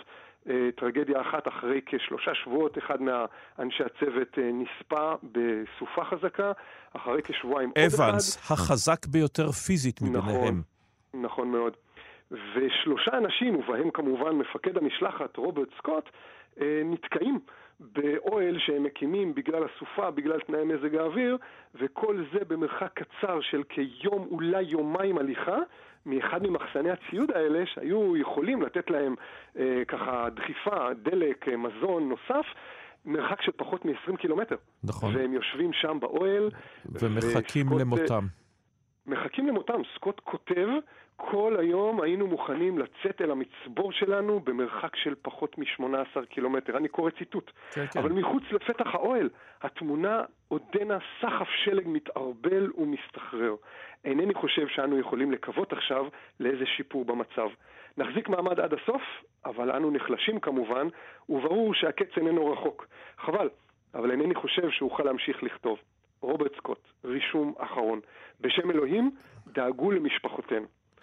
זו הייתה הפעם האחרונה שהוא כתב משהו ביומן, התאריך הוא 29 במרץ, כלומר כחודשיים ימים אחרי אותו צילום בקוטב, וסביר להניח שכבר באותו יום אה, כנראה ששלושתם נפחו את נשמתם אי שם באי שמעון הקרח, וכדאי לציין שאת הגופות שלהם והאוהל הזה, אה, כל זה נמצא רק בעונה אחר כך, כשמונה חודשים יותר מאוחר, בתחילת אה, הקיץ הבא, כשמשלחת אה, חיפוש יצאה בעקבותיהם, מכיוון שהם לא חזרו. אה, אבנס והבחור הנוסף הם לא נמצאו מעולם, אבל סקוט ושני אנשי הצוות נמצאו שם, וכמו שאמרת, היומן שלו, המצלמה שלו, כל התיעוד קיים. כלומר, זו טרגדיה מתועדת לחלוטין, והצוות הזה לא חזר הביתה. תודה לך על הדברים האלה, נועם סגן כהן, מרתק כתמיד. תודה לכם וקיץ נעים. קיץ נעים. ועכשיו אנחנו לאירוע אחר בשנת 1911, שמתחיל שרשרת אירועים נוספת, אבל בואו נתחיל בטיפה אופטימיות. אחד השירים המקסיקניים הידועים, לקוקרצ'ה.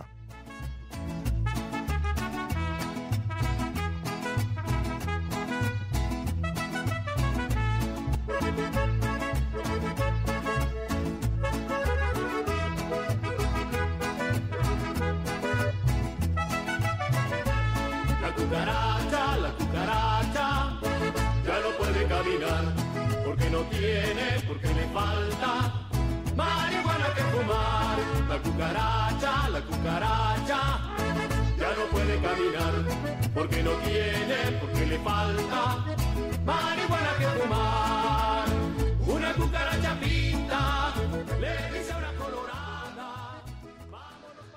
ב-1911, נשיא מקסיקו, פורפיריו דיאס, שאמר אמירה מרירה וכה מדויקת, מקסיקו האומללה, כה רחוקה מאלוהים, כה קרובה לארצות הברית, הודח בידי פרנסיסקו מדרו הליברל. תומכי דיאס יתחילו במרידות, שנתיים אחר כך יירצח מדרו בידי הגנרל הוארטה, ותתחיל מלחמת אזרחים מלאה, שבה עד 1919 ייהרגו וירצחו שני מיליון מקסיקנים, כ-15% מהאוכלוסייה. שלום לדוקטור סבסטיאן בן דניאל, מומחה לאמריקה הלטינית. שלום. האם מדובר רק במאבק כוח על השלטון, שכמוהו ראינו כל כך הרבה פעמים באמריקה הלטינית ובעצם בעולם כולו? אה, תראה, זה תלוי איך מסתכלים על זה, תלוי מאיפה אתה מסתכל על זה. אבל מהבחינה של רוב המעמדות הנמוכים במקסיקו זה ממש לא. זה פעם ראשונה, כאן אם אנחנו מדברים על הפיכות אחרות, בדרך כלל הצבא לוקח ומשיג כוח מה... מהאוליגרכיה וזה חוזר ביניהם. אבל פה אנחנו מדברים על פעם ראשונה שבעצם העם הוא זה שעושה את ההפיכה. וכשאנחנו נדבר עוד מעט על הגיבורים שלה, שזה מיד, פנצ'וריה... ו- מיד נגיע אל הגיבורים האלה, אבל עד כמה אפשר לומר שזה באמת העם? בסופו של דבר, לעם, אתה יודע, יש אה, מנהיגים. חלק מהם הם אנשי האליטות. נכון, אז כשבדיוק בגלל זה ציינתי את, את פנצ'ואיה ואת אה, מיליאנו ספטה, שהם בעצם באו מלמטה, זה לא אנשים שאנחנו בדרך כלל מכירים באמריקה הלטינית, אלה שהם הם בעצם צאצאים של הספרדים, האשקריושוס, ה- ולא מהעם, והם, בניגוד לכל ההפיכות האחרות שאנחנו מכירים בלטין אמריקה, הם באמת באים מלמטה, וגם, שוב, בניגוד לדברים האחרים שאתה מזכיר, אנחנו מדברים פה על חוקה שהיא באמת, היא מחוקקת את הרפורמה האגררית במקסיקו, המון המון דברים שלא הכרנו ועדיין אנחנו לא מכירים כמעט בשום מדינה. אז הזכרת אותם, אי אפשר שלא להתייחס אל הדמויות הבאמת מיתולוגיות של המהפכנים אמיליאנו זפתה ופנצ'ו ויה, בזמנו קראו לו בישראל פנצ'ובילה, למי שמכירים את זה בהיגוי הזה. אה, אה, לא נורא. והם, עדיין, והם גיבורים, אני רואה, אני רואה לעיני רוחי עכשיו את הדמויות המסופמות שלהם עם חגורות הכדורים המוצלבות על הסוסים, הם עדיין מיתוסים, מאה שנה אחרי. כן, וזה, וזה מראה על, בעצם על החשיבות של המהפכה הזאת. שניהם, אגב, אנחנו קוראים לזה, אנחנו קוראים לו פנצ'ו וישה בארגנטינה, אז, אה, אז כולם טועים. אבל, וזה גם לא השם שלו. כלומר, הוא לא נולד בשם פנצ'וביה, הוא נולד בשם אחר לגמרי, דורטאו אורנגו, וכנראה יש המון סיפורים, הוא סיפר הרבה ביוגרפיות שונות, אבל אחת מהן זה שהוא לקח את השם של חבר שמת, שמת בקרב, מהמם. ואחת אחרת זה שכשהוא היה בן 15 אז הוא פשוט רצח את בעל האסיינדה שניסה לאנוס את אחותו ולקח, והחליף את השם כדי שלא ירדפו אחריו. אבל זה שתי דמויות באמת שהן באות מהכי למטה במקסיקו, מהאנשים שאתה אף פעם לא שומע עליהם, והיום, אם אתה מסתכל בעולם, סתם עשיתי חיפוש בטוויטר אתמול, השמות המקסיקנים הכי מוכרים זה מונטזומה. זה, זה שהם כולם מכירים, ופנצ'אויה מקום שני. אה, מדהים. ו- מה- כן, מה- מה הם רוצים בעצם, אותם מהפכנים? מה האידיאולוגיה? אז אחרי מדרו שהצגת אותו בעצם, הוא היה מין סוציאל אה, דמוקרט היום היינו קוראים לו, אוקיי. שה- שהוא אמר, טוב, אנחנו רוצים שלא יהיה בחירות חוזרות, היה פה הדיקטטור ששלט, אה, פורפירו דיאס, הפורפירטו, זה הזמן של 30 שנה שיש פה דיקטטור, אנחנו רוצים דמוקרטיה שתייצג את העם, מהמם. אבל אני לא רוצה מהפכה, הוא היה הבן אדם שעשה מהפכה והוא לא המהפכן.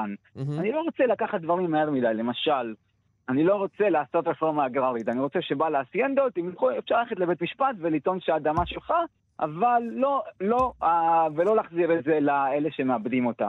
אז, וזה בעצם הדברים שזפתה אומר בדיוק ההפך. אני רוצה, מהמם. שזה לא, זה לא נשמע לי הגיוני, הוא בא למשל למדלו וסיפר לו את הסיפור, לקח את השעון זהב שלו ואמר לו, תראה, אם הייתי לוקח לך את השעון, ואז אתה פוגש אותי אחרי עשר שנים. כן, אז מה, אם היית דורש את השעון בחזרה, זה לא היה להגיד גניבה, זה לא היה משהו נגד החוק, זה מה, מה שמגיע לך. וזה מה שמגיע לנו. זאת אומרת, האידיאולוגיה של סטפטי היא מאוד מקומית, היא מאוד שייכת למחוז שלו של מורלוס, והוא אומר, האדמה היא בעצם לאלה שמאבדים אותה. זה מה שהוא רצה. חוץ מזה, הרפורמות של מדרו, חופש עיתונות, הכל מעולה. אבל זה מה שאנחנו רוצים. ואם ו- נעשה קפיצה קדימה, אנחנו זוכרים שהייתה תנועה, הזפטיסטס, שבעצם אמרה את אותם הדברים רק בהפרש של כמה עשרות שנים. כן, נכון. מ-94, אחרי ההסכם של נפטה, אז אנחנו מכירים שבעצם הנאו-ספטיסטס חזרו למחוז צ'יאפס, לדרום, איפה שבעצם ספטה בא, ואתה רואה שם שלטים במקסיקו, פה, באזור הזה, העם קובע והממשלה מצייתת. ו- ואתה רואה את זה כל פעם שיש רפורמות ניאו-ליברליות במקסיקו, שוב, הרוח של זפתה נכנסת, ואתה רואה את אה, סוב קננטה מרקוס אה, אה, מזכיר את זפתה, ואת כל התנועות, אה, האנרכיזם קצת גם מייחס לו את זפתה, ואת כל הדברים האלה, ואתה רואה שבעצם הדברים שהוא עשה עדיין ממשיכים. כן. כלומר, וזה, וזה לא נעלם, וגם עם פנצ'וביה, והוא שייך לצפון. כן. כן, הרפורמות וה- והדמות שלו ב- במקסיקו היא עדיין מאוד חשובה ב- בכל פעם שיש מאבק ונלחמים, וכמו שדיאס אמר, כן, אנחנו, הם כל הזמן סבלו מארצות הברית. אנחנו רק תוך כדי המהפכה... ואגב, וגם תוך כדי המהפכה ארצות הברית תשלח כוחות צבא לתוך מקסיקו בראשות הגנרל פרשין כדי לנסות וללכוד את פנצ'וביה. כן, וזה זה גם, אגב, מראה כמה הם לא מבינים את המנהיגים המקומיים האלה. כי הם שלחו משלחת של פרשינג, והיה שם את אייזנהאואר ופאטון וכל האנשים שאחר כך נפגוש במלחמות העולם, אבל הם בעצם הסתובבו שם במדבר וניסו לחפש, שאלו את המקומיים. עכשיו, פנצ'ו וייה הוא גיבור מקומי, אף אחד לא יגיד להם איפה הוא נמצא. מהמם. כן, אז כל המשלחות האלה חזרו בבושת פנים לארצות הברית בחזרה, ואז הם באמת, גם ההפיכה למשל נגד מדרו, אומרת שעדיין הוא רצה להתקדם לאט והכל, היא אורגנה על ידי ארצות הברית. מהמם. אנחנו מכירים משם השגריר ווילסון, לא הנשיא אחר כך, מהמם. אבל השגריר למשל, הוא זה שארגן את הכל עם וורטה ואת כל הדבר הזה, שיכול להיות שזה זה מה ששלח אחר כך את מקסיקו למלחמת האזרחים, שאולי נתחום אותה מ-1915 עד, עד 20. יפה, ומה קורה? וב-1920 בעצם מקסיקו נכנסת לתקופה, תקופה של, בואו נקרא לה יציבות, אה, מפלגה בעלת השם הדי הזוי, צריך לומר, כי יש בו סתירה פנימית, מפלגת המהפכה הממוסדת, שתשלוט בה עשרות שנים. כן, הפרי, מה שבעצם אה, מה- ו- ורגס יוסה קורא לו הדיקטטורה המושלמת. עכשיו, זה בעצם מדינה של מפלגה אחת, מהמם. שהיא כל הזמן נבחרת, נכון, הנשיאים מתחלפים, אבל הרעיון זה אותו רעיון. אז הם כאילו עשו קואופטציה למהפכה הזאת, הם לקחו את הגיבורים שבעצם הם, הם כולם נרצחו אגב, אם אנחנו ניכנס להיסטוריות כולם, את אה, ספטה רצחו במערב, וגם את ויה ואת קרנס, את כל מי שהיה חלק מזה, כן. בעצם האנשים שאחר כך שלטו בפרי זה אלה שארגנו את כל הרציחות האלה. והם לקחו את כל הרעיונות האלה, ואמרו, אנחנו נציגי המהפכה, ואנחנו עכשיו נעשה, ניקח את החוקה, אנחנו נציגי החוקה מ-1917, ועכשיו אנחנו ניישם אותה, זאת תהיה האידיאולוגיה שלנו, שהם כמובן אף פעם לא באמת ביצעו אותה. כן, הם אף פעם לא רצו לעשות באמת רפורמה אגררית, אבל הם כן לקחו את הכוח הזה של כאילו העם עכשיו שולט, בגלל זה הם קוראים לעצמם מועצת, מפלגת המהפכה, ועכשיו אנחנו שולטים בשבילם, כשהם כמובן, זה לא מה שהם עשו. אנחנו, אבל- מכיר, אנחנו מכירים את זה הרי כמובן בכל מקום, שמי ששולט ב... נקרא לזה, מי שמנסח מחדש את הדברים, הוא שולט אה, לפחות על האידיאולוגיה, גם אם לא תמיד על המציאות. תודה רבה לך על הדברים האלה, הדוקטור סבסטיאן בן דניאל. בבקשה. ואם אנחנו תודה. עדיין בצפון אמריקה, חברת סטנדרט אויל, חברת הנפט הגדולה בעולם, שבה שלט ג'ון די רוקפלר, פורקה בידי ממשל טדי רוזוולט, בהתאם לחוק נגד הקרטלים ששלטו בכלכלה. צאצאיותיה הן חברות הנפט הענקיות כיום, מהלך שטדי רוזוולט טען תמיד שהציל את הקפיטליזם, וקרוב לוודאי שהוא צדק, אבל רוקפלר שנא אותו כמובן עד יום מותו, וכשטדי רוזוולט יצא לציד באפריקה, אה, רוקפלר אמר, אני מאוד מקווה שהאריה הראשון שייתקל בו ידע לעשות את חובתו. ועם קפיטליזם, אחד האירועים המכוננים בתולדות יחסי העבודה בארצות הברית. ביום שבת, ה-25 במרס 1911, בשעה 16:40, פרצה שרפה במפעל ב-Lower East Side שייצר בעיקר חולצות אופנתיות בשם שרטווייסט. רוב העובדות במפעל היו מהגרות, איטלקיות או יהודיות ממזרח אירופה. ביום השרפה המפעל היה מלא בעובדים. ההנהלה הספיקה לחמוק לגג, אבל עבור העובדות שנמצאו בין הקומות השמינית לעשירית זה היה מאוחר מדי. רובן נהרגו. 146 במספר, בגילאים בין 14 ל-40. חלקן נשרפו למוות, כי דלת היציאה שיכולה הייתה להציל אותן הייתה נעולה בגלל חששם של הבוסים, גם הם אגב יהודים, מכך שהעובדות יגנבו חולצות, בדים, חוטים. סולמות מכבי האש הגיעו אז עד הקומה השישית, ולא יכלו להציל את העובדות. למעלה מחמישים מהן קפצו מהקומה התשיעית לתוך רשתות שהחזיקו שוטרי ניו יורק, שלא החזיקו מעמד והן התרסקו למוות, כל זאת כשקהל גדול מהעוברים ושבים מביט בזוועה הזאת. פרנסיס פרקינס, שאחר כך הפכה לשרת העבודה של ממשל רוזוולט, פרנקלין רוזוולט, והייתה בין הצופים, טענה שהניו דיל נולד בשריפה של הטריאנגל. היא התכוונה לכך שוועדת החקירה שהוקמה לאחר האסון הובילה בסיומה לחבילת חקיקה גדולה שעסקה בהמון נושאים חשובים, בטיחות, סניטציה, העסקת ילדים ועוד. ראש ה-American Federation of Labor, סמואל גומפרס, עוד יהודי, אמר על החקיקה, כן, חקיקה מדהימה, אבל אסור לשכוח, נערות היו צריכות להישרף למוות עבורה. במשפט שנערך מיד אחר כך הואשמו בעלי המפעל ברשלנות בגלל סגירת הדלת ויצאו זכאים. בהלוויות ההמוניות נכחו כ-400 אלף בני אדם, עשירית מתושבי ניו יורק באותה עת. עובדות הטריאנגל לא היו זרות לתושבי ניו יורק. רק שנתיים קודם הם היו חלק משביתה כללית שפרצה בענף, והן התמידו בה יותר מעובדי המפעלים האחרים. טריאנגל לא הייתה סדנת יזע, היא הייתה מפעל מאוד מתקדם, אנשים התחרו כדי לעבוד בו, אבל שימו לב לתנאים במה שנחשב מפעל מעולה. העובדות נהנו מעבודה בת 14 שעות ביום, בלי שעות נוספות, תמורת שכר שנע בין 4 ל-6 דולרים בשבוע, 100 דולרים של היום. תקלות, טעויות, ציוד שנשבר נוכו משכרן. חלקן הועסקו בקבלנות משנה או לפי תפוקה, ועם השכר הזעום הזה הן קיימו את עצמם ושלחו כסף למשפחות בשטטל או בסיציליה.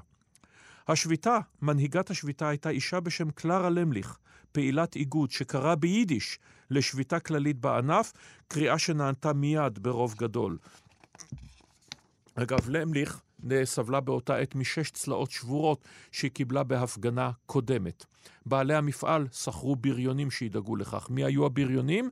הם היו הבריונים של לואיס, המכונה לפקה בוכלטר, איש הסינדיקט היהודי, שהשכיר בריונים גם לעובדים וגם לבוסים, והרוויח משני הצדדים.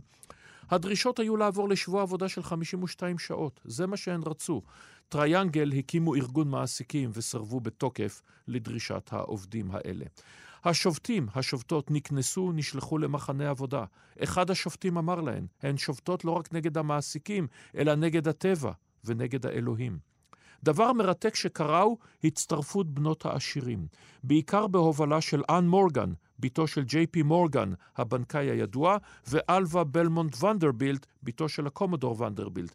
הן הצטרפו למאבק השובתות. בגיוס כספים, בתשלום קנסות, בהופעה במשמרות השביתה. זה אולי הדבר הכי חשוב. המשטרה, הבריונים, יכולות להכות את השובתות, כמובן, הנערות האלה מהשטטל, אבל להכות את בנות הברונים השודדים, זה לא. המאבק הזה היה גם דרך לקדם רעיונות פמיניסטיים אחרים, בעיקר נושא זכות ההצבעה לנשים. קלרה למליך נכנסה לרשימה השחורה של הענף והפכה לפעילת איגודים מקצועיים, לוחמת למען זכות ההצבעה לנשים, הקימה תנועות צרכניות וכשיצאה לפנסיה ארגנה את בית האבות שלה לתמוך בפועלי החקלאות וסייעה לעובדים בבית האבות להתארגן גם הם באיגוד עובדים. טיפוס. ועוד דבר נולד ב-1911, מקצוע. וכדי להציגו בחר המרואיין שלנו להשמיע את השיר הנפלא הבא, "אני אוהב אותך יותר מכפי שתדעי אי פעם", של דם, יזע ודמעות. איך קשור? מיד נגלה.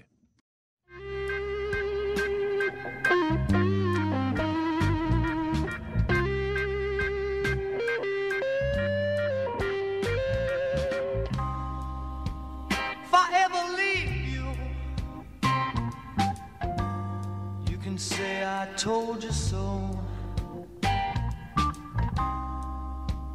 And if I ever hurt you, baby,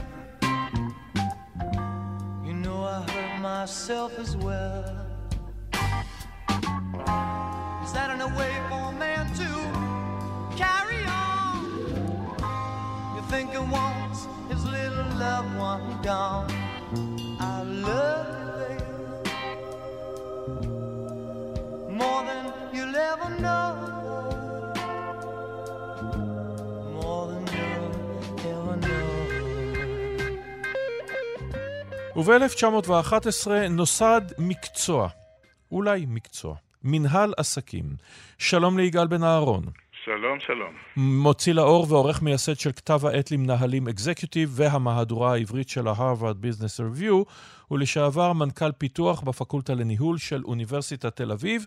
מה קורה ספציפית ב-1911? ב-1911 יוצא ספר אה, של אה, בן אדם בשם פרדריק טיילור, ובספר הזה הוא מנסה להביא, אה, אה,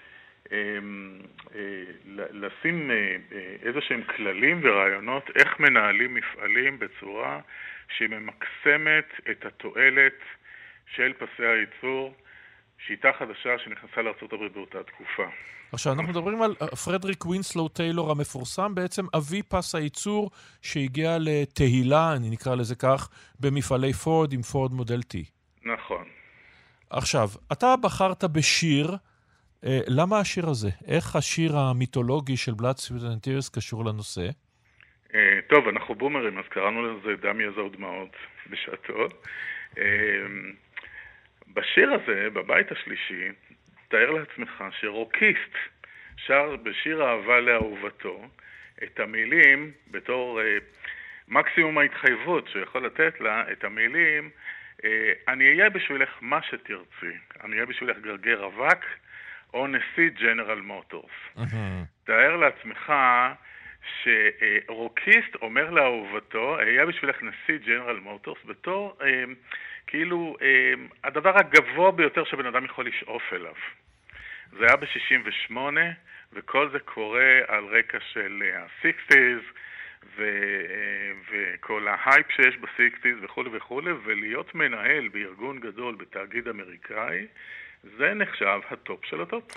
אה, או לחילופין, שהוא אומר, אני מוכן לבגוד בכל ערכיי כדי להיות למענך מה שתרצי, אבל בואו נדבר באמת עם מנהל עסקים. מנהל עסקים, הדימוי, בוודאי בשנים רבות, נניח שנות ה-40, זה מלחמת העולם השנייה, אבל ודאי 50 ו-60, זה אנשים עם חליפות שהולכים למשרדים בחברות עם מה שהיה אז טבלאות אקסל, מנסים למדוד ולהכניס את המדדים של מנהל עסקים לכל תחום, כולל אגב מלחמת וייטנאם, ולא תמיד זה נגמר בהצלחה גדולה.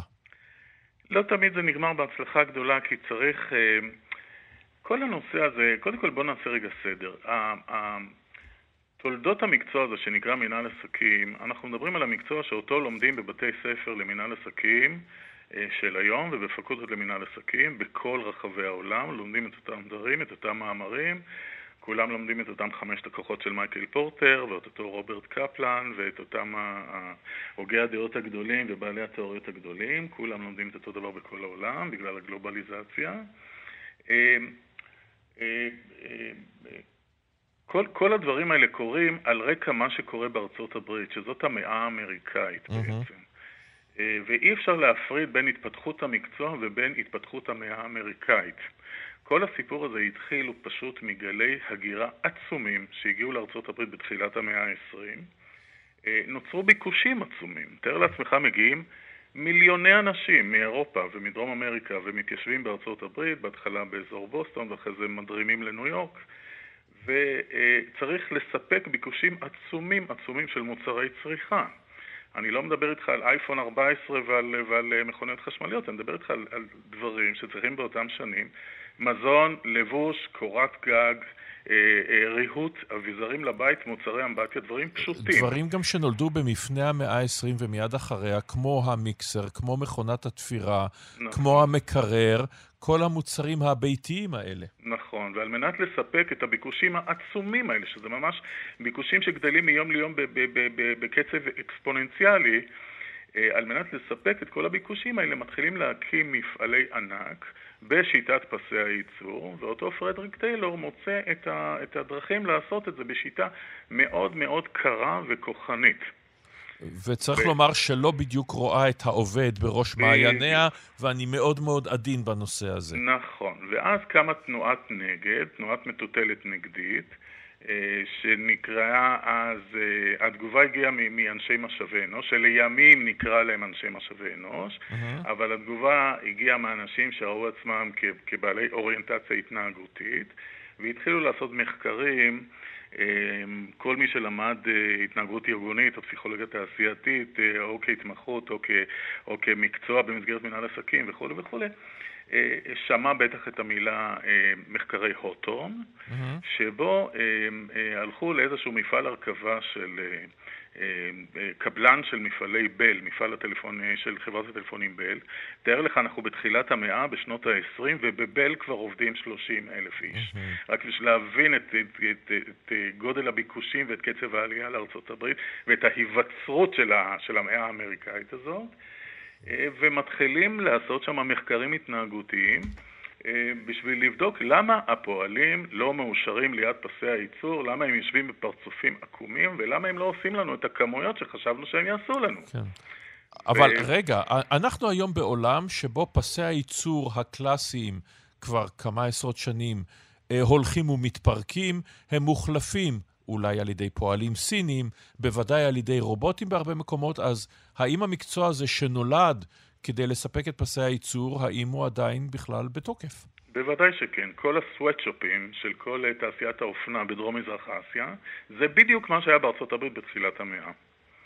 ולכן, ומה שקרה באותם מחקרי הוטון, שם גילו, אה, לימים המחקרים האלה נפסלו והועברה עליהם ביקורת אקדמית מאוד מאוד קשה, כי mm-hmm. היו בהם טעויות מחקריות מאוד רציניות, אבל שם גילו את העקרונות של מה שלימים יהיה מקצוע שנקרא משאבי אנוש, משום ששם גילו את הדברים העיקריים שהם נכונים גם היום.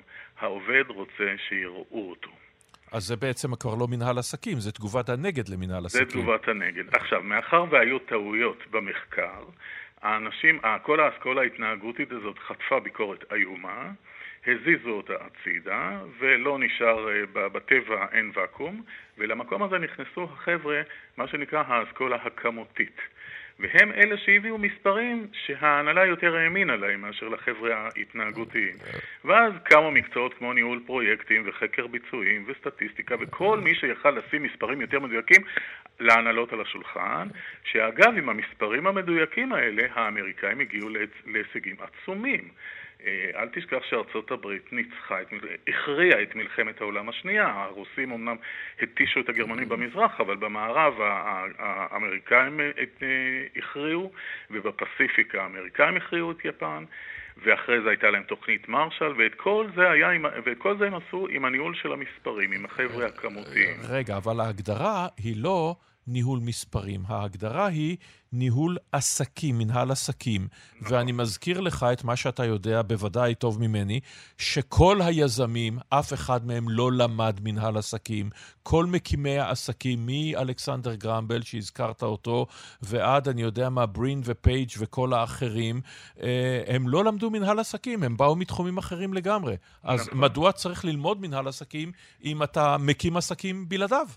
משום שהברנז'ה הניהולית האמריקאית, בואו נקרא לזה ככה, החבר'ה שהיו בעלי המפעלים, בעלי ההון ובעלי המניות בכל, ה, בכל המפעלים הגדולים, אלה שניסו לספק את הביקושים, הבינו שהביקושים הם כל כך גדולים, הם הבינו, בוא נגיד, הם הבינו את גודל האירוע שנקרא אמריקה של המאה ה-20. Mm-hmm. הם הבינו את גודל האירוע, ועל מנת לספק את כל הביקושים האלה ולהרים את הפרויקט הזה שנקרא אה, אמריקה של המאה ה-20, הם הבינו שצריך לעשות את זה בצורה מאוד מאוד מסודרת. ושאלה לסיום, יגאל, אתה מזכיר שוב ושוב שזה אמריקה במאה ה-20 ואתה צודק, מנהל עסקים באמת מאוד מזוהה עם ארצות הברית, עם הרווארד וכולי, אז השאלה היא כמובן, האם המקצוע הזה מתאים גם לתרבויות אחרות? לתרבויות יותר חפיפניקיות מצד אחד ויזמיות, נניח ישראל, או לתרבויות קונפוציאניות, או לכל מקום, או שזה באמת אמריקני מההתחלה עד הסוף. כשהתחילה הגלובליזציה בשנות ה-70 וה-80 של המאה ה-20, חשבו שיורידו וינחיתו הוראות מלמעלה, מלמעלה למטה ויגידו לכל התרבויות הניהול בכל העולם, ככה עושים את זה, תעשו עכשיו 1, 2, 3.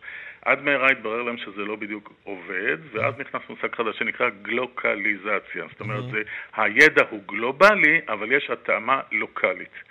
וזה נכון שהידע הוא גלובלי. תאמין לי שבכל בתי הספר בעולם לומדים את אותם מאמרים, וכולם נוסעים גם לאותן אוניברסיטאות יוקרה בארצות הברית, אה, כשאתה מגיע לתפקידים בכירים, ואתה נוסע לשם לעשות השתלמויות וכולי וכולי, זאת המכה mm-hmm. של הניהול, אבל אה, יש התאמה תרבותית לכל מקום בעולם.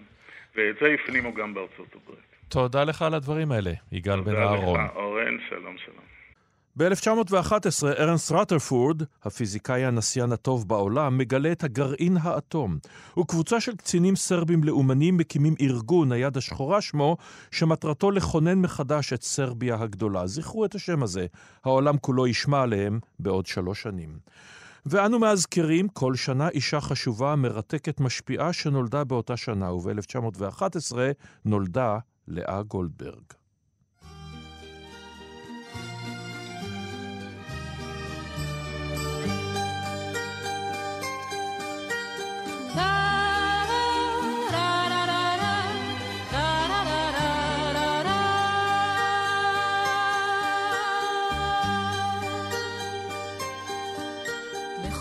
שלי, ארץ נוי אביונה, למלכה אין בית, למלך אין כתר, ושבעה ימים אביב בשנה, וסגריר וגשמים כל היתר, אך שבעה ימים הורדים פורחים, ושבעה ימים הטללים זורחים, ושבעה ימים חלומות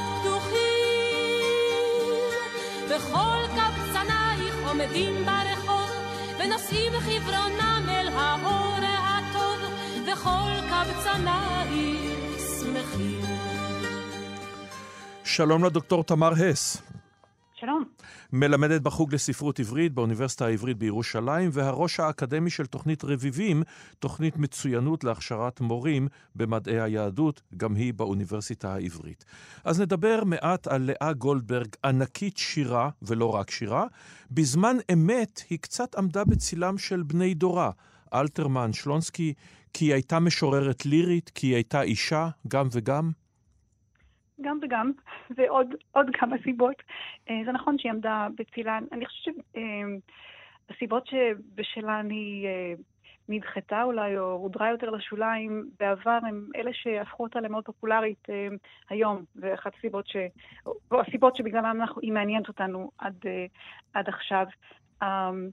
אה, יש לזה הרבה סיבות. אה, חלק מהן זה ששלונסקי ואלתרמן עוסקים בשנים האלה במשוררים אחרים, במה שהם קראו הגדלים, הדברים הגדולים, הלאומיים, אה, הנושאים הרחבים והקולקטיביים, וגולדברג לא עשתה את זה וסירבה לעשות את זה באופן עקרוני. היא כתבה על זה בזמן מלחמת העולם השנייה, כשפרצה המלחמה, שהיא תסרב לכתוב שירי מלחמה, היא לא תתגייס לדברים הלאומיים הגדולים. היא כתבה על, אה, על לחם, על מים, על, אה, אה, על עיקרה שמגישה לחם אה, טרי, על, על אהבה, אה, אבל לא, לא שירי חלוציות ולא שירי מטאפיזיקה.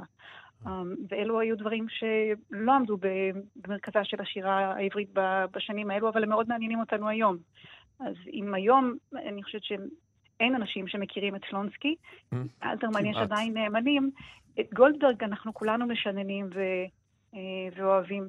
עכשיו, לא, אה. היא, היא כמובן, היא משוררת נפלאה, אבל היא גם כותבת סיפורים, בעיקר סיפורי ילדים מופלאה, והיא חוקרת, היא בעצם הקימה את החוג שאת מלמדת בו היום, הייתה פרופסור לספרות, מתרגמת, כלומר, היא, היא ידעה בכל בתחום התרבות העברית.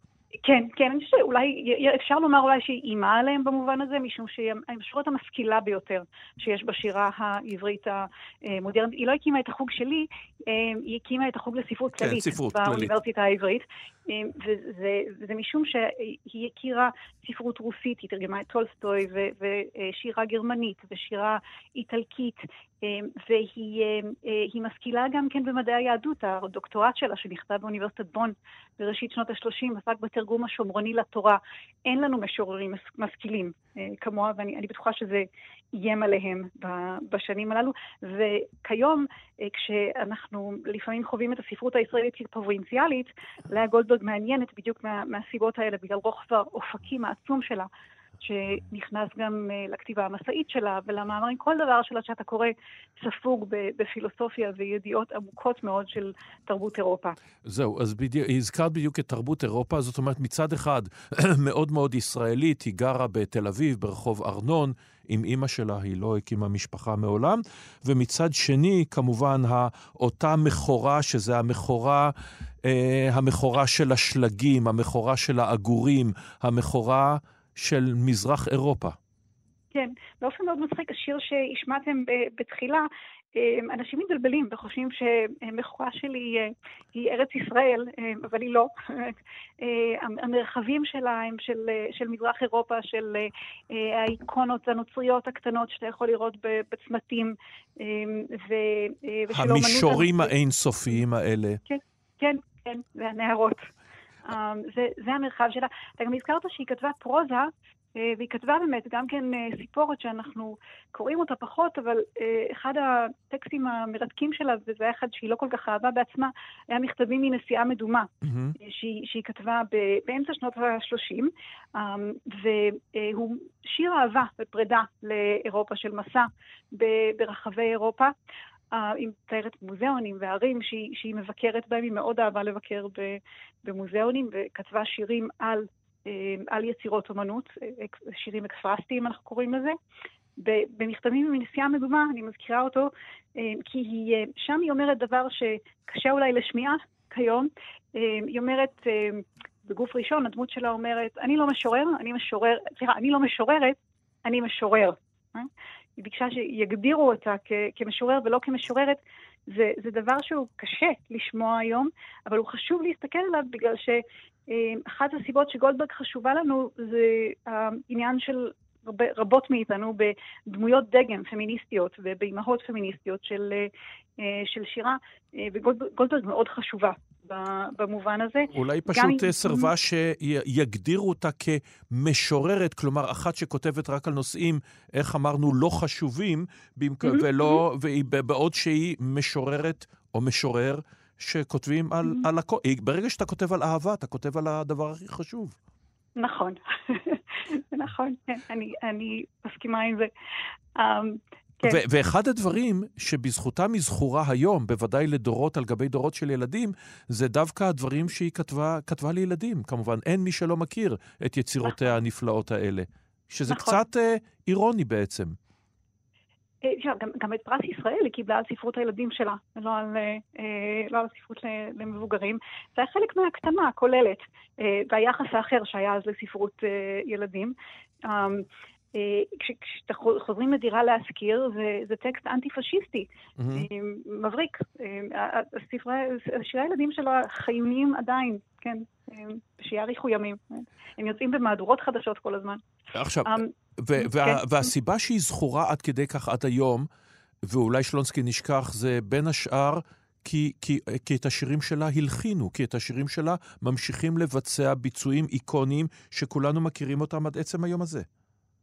כן, זה, זה, אני חשבתי לקראת השיחה שלנו, מה כאן הביצה ומה התרנגולת, אם היא מולחנת בגלל שהיא אהובה, או אם האהובה בגלל שהיא אה, אה, מולחנת. אפשר, אפשר גם לחשוב על, אה, אולי על, על מגמות בשירה העברית משנות ה-90 ואילך, על כתב העת הו, ודורי מנור ש, שמוביל אותו וגידל דור שלם של אה, משוררים שמוקסמים מצורות קלאסיות של, אה, של שירה.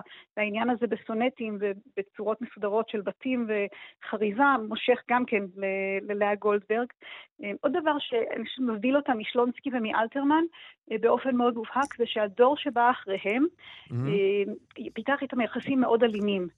אה, לגולדברג היו יחסים של טיפוח מאוד חם כלפי משוררים. היא טיפחה את עמיחי ואת פגיס ואת את כרמי ובמיוחד את דליה רביקוביץ'. אה, היא הצמיחה משוררים עם הרבה מאוד אהבה ונתנה להם לגדול לידה והם החזירו לה אה, ו- וכתבו עליה. אה, והקדישו לה- לשירים, ולכן להם פחות היה צורך אה, לקטוש אותה, כמו שהיה לזך כלפי כן. את ושלום. אותו, כן, את אותו הרג אב מטאפורי כן. שהם עשו לביאליק, ואז לימים נעשה להם. תודה רבה לך על הדברים האלה, הדוקטור תמר הס, לאה גולדברג עם היצירות המופלאות שלה, ונשמע עוד שיר אחד נהדר שלה, בארץ אהבתי.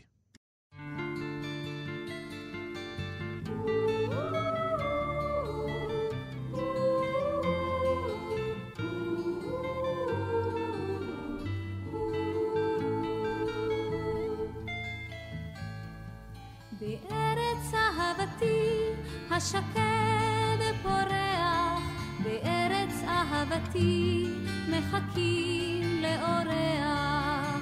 שבע עלמות, שבע אמהות, שבע קרות